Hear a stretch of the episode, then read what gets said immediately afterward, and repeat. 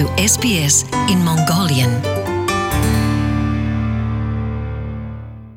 За сонсогч та бүхэндээ энэ өдрийн халуун мэндийг SBS радио станцаас Батцаг овогтой долгион миний бие хүргэж байна. За 7 өнөг бүр та бүхэндээ хүргэдэг подкаст болон Австрали улсад оршин суух хөтжийн энэ удаагийнхаа сэдвэр татварын буцаан олголт гэж юу юм бэ? За тэгээд татварын буцаан олголтыг хэрхэн мэдүүлэх талаар ярилцахаар бэлдсэн байгаа. Австралид татварын үеэр буюу санхүүгийн жилийн эцэст 7 дугаар сарын 1-ээс хойш австралчууд төлсөн татварынхаа буцаан олголтыг авахтаа бэлддэг завгүй үе байдаг. За энэ үеэр тухайн хүн зөв хэмжээний татвар төлсөн байна уу? Мөн татвараас ямар нэгэн зардалт суудгал хийх боломжтой эсэхийг тодорхойлдог. Ерөнхийдөө танд татварын буцаалтаар нэмэлт орлого орж ирнэ гэсэн үг юм а. Татварын буцаан олголтоо хэрхэн мэдүүлэх тухай хэдүүлээ ярилцгаая.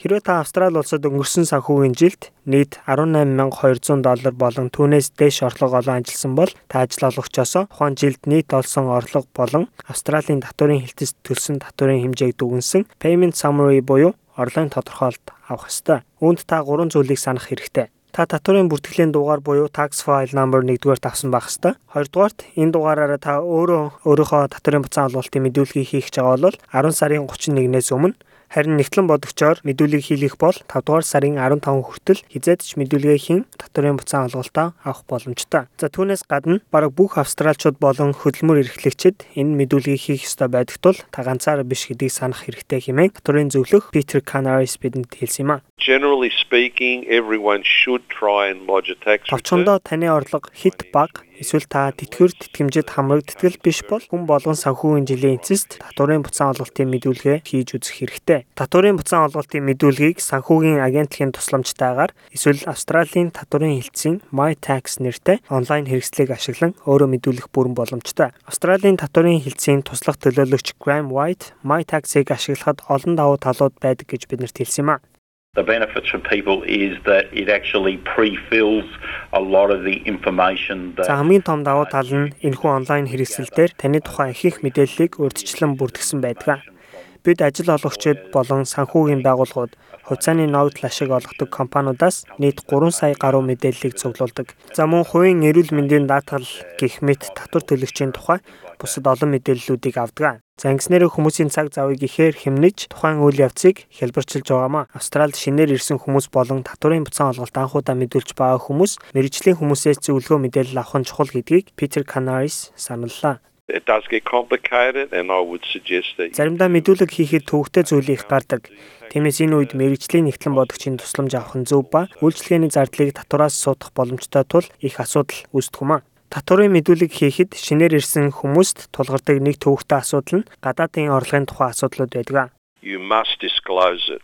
If you have bank accounts or you own property, you must disclose Та энэ тухай заавал илчлэх ёстой. Хэрвээ та гадаадад банкнд данстай эсвэл үйл хөдлөх хөрөнгөтэй түүнээс орлого олдог бол энэ тухай заавал мэдээлэх ёстой. Харин тухайн орлогоос та татвар төлдөг бол гадаадад төлсөн татвараа tax credit буюу татварын хөнгөлөлт төгсөх боломжтой. Шинээр ирсэн хүмүүс татварын мэдүүлэгтээ гадаадын орлогоо илчлээгүй тохиолдолд тухайн мөнгө Австралид шилжин орж ирэхэд том асуудалд ордог. Татварын мэдүүлэгтээ буруу мэдээлэл олгосон тохиолдолд их өндөр торгуул төлөх эрсдэлтэй байдаг. За нуун дарагдуулсан орлого байх юм бол түнд нөхүү бодон одоо торгуул тавьдаг. Дэлхийд даяарх татварын байгууллагууд дижитал хэлбэрээр хоорондоо татварын мэдээллүүдийг хялбархан дамжуулах болсон энэ цаг үед татварын мэдээллийг нуун дарагдуулах асуудал улам багасах хандлагатай байгаа. Гэхдээ өнгөрсөн санхүүгийн жилүүдэд төлсөн татвараас буцаан суутгал авах хуулийн олон арга замууд байдаг. Харин суутгал авах хүсэлт гаргахаас өмнө таны тухайн жилд гаргасан зардлуудын бүртгэл танд бэлэн байх ёстой. Австралийн татварын хэлтэс дараа нь хизээд шалгах шаардлага гарч болох тул та зардлын бүртгэлийг дор хаяж 4 жил хадгалах хэрэгтэй. Graham White хэлэхдээ татварын суудгалын талаар олон төрлийн онлайн тусламжуудыг Австралийн татварын хэлтсээс санал болгодог гэж хэлсэн юм. we have an ATO app and that app can be downloaded onto Бид бүх төрлийн төхөөрөмжлөөр татаж авах боломжтой ATO application гаргасан байгаа. Энэ апп дээрх My Deduction буюу миний суудгал нэртэй хэрэгслийг ашиглан хүмүүс зардлуудынхаа баримтыг зураг хэлбэрээр хадгалах мөн тухайн зардлын талаар бичиж тэмдэглэл хөтлөх боломжтой. Харин татвараас ямар төрлийн зардлуудад суудгал өсөх боломжтой вэ? Татварын судалгыг зөвхөн ажлын холбогдлолтой зардалд хүсэх ба Австралийн татварын хэлтэс ямар мэрэгжилд ямар төрлийн зардал гардаг тухай маш нарийн мэдээлэлтэй байдаг хэмээн Питер Canaris хэллээ. Cannot claim just anything. It has to be directly associated with Та зөвхөн ажлын шууд холбогдолтой зардлыг суудгалд хүсэх ба ямар нэгэн хувийн хэрэгцээний зардлыг хамруулах боломжгүй юм а. Хэрвээ таны худалдаж авсан цамц байгууллагын тэмдэг логотой бол үүнийг дөрөв хувцас гэж тооцсон татвараас суудах боломжтой гэсэн үг. Гэрийн оффист ажилладаг хүмүүст ч хатуу шаардлага тавигддаг. that home office Тухайн гэрийн офис зөвхөн ажилд зориулагдах ёстой. Хэрвээ та ажлынхаа өрөөнд хувцас эндүүдэд зогсоод байх юм бол гарах цахилгааны урсгал зардалт татварын судал хүсэх боломжгүй. Тиймээс гэрийн офисын зардалд судал хүсэхдээ их болгоомжтой хандах хэрэгтэй. За Австралийн эдийн засаг хурдцтай өөрчлөгдөж байгаа энэ цаг үед уламжилт үндсэн ажлын хажуугаар хүмүүс давхар нэмэлт ажил хийж байна. Uber, Deliveroo, Airbnb эсвэл Airtasker гэх мэт ажлуудыг хийх нь нэмэгдсээр байна. Харин хоёр дахь болон гурав дахь ажлуудын орлогоос татвар автоматар бодогдсон төлөгддгүү тохиолдол илбэг байдаг. Энэ тохиолдолд татварын буцаан олголт мэдүүлэх үед гардаг асуудал нь төлсөн татвараа буцаан авах бус харин татвар төлөгдөөгүй одоо орлогын үр дагавараас татварын хилтэст өртөө болсон байх тохиолдол их байдаг.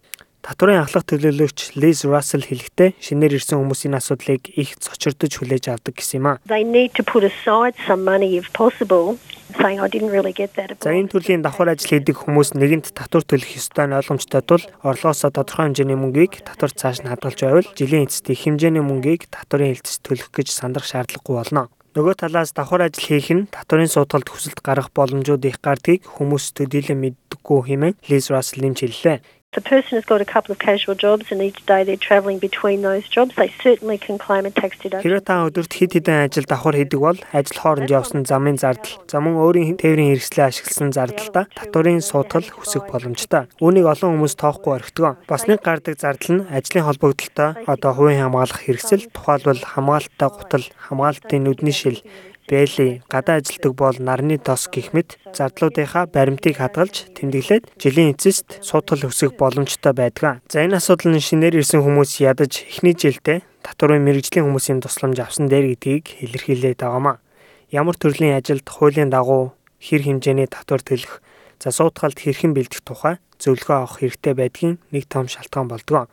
Татварын буцаан олголтыг мэдүүлэхийн асуултуудтай сайн танилцж, татварын суудгалд хүсэлт гаргахад өөртөө бүрэн итгэлтэй болсны дараа та жил бүр онлайнаар мэдүүлгээ хийгээд хэлбэр болж байгаамаа. За татвар болон татварын буцаан олголттой холбоотой илүү дэлгэрэнгүй мэдээллийг татварын хэлтсийн ATO.gov.au вебсайтаар орж аваарай. Дараагийн дугаараар та бүхэнтэйгээ эргээд удахгүй уулзцгаая. Та бүхэнд бүгдээрэнд нь амжилт хүсье.